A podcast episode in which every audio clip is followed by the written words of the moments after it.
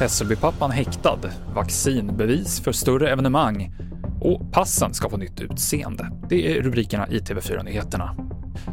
Och vi börjar med att berätta att mannen som är misstänkt för mord och mordförsök på sina barn i Hässelby i västra Stockholm har erkänt att han knivskar barnen och orsakade att de föll från hög höjd. Det sa hans ombud under häktningsförhandlingen idag. Mannen häktades sen av Solna tingsrätt. Ett av barnen vårdas fortfarande för livshotande skador. Nu om covid i Sverige. Vaccinationsbevis, eller covidpass, kommer att införas för allmänna sammankomster och offentliga tillställningar med fler än 100 personer. Och tanken är att det här ska börja gälla från den 1 december. Arrangörer som inte vill använda vaccinationsbevis kommer till exempel behöva ha begränsning av publik eller avstånd mellan besökarna. Joppe Pilgren på branschorganisationen Svensk Live säger att vaccinationsbevis är bättre än andra restriktioner och det kan få positiva effekter.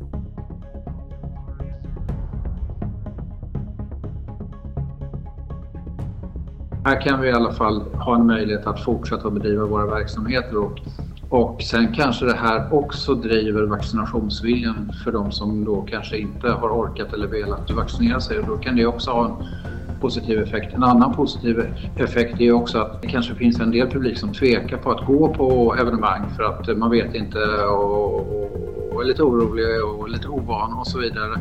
Men då, då kanske det kan ge eh, både trygghet och säkerhet för dem. Och den här åtgärden med covidpass beror på att smittspridningen väntas öka i Sverige de kommande veckorna enligt FOM.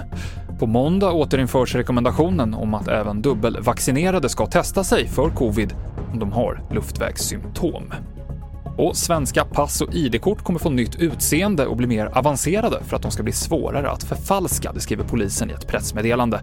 Bland annat ska det finnas bilder på innehavaren som syns under ultraviolett ljus. De nya passen och ID-korten börjar gälla 1 januari nästa år, men man behöver inte byta ut sina nuvarande. De kommer gälla hela giltighetstiden.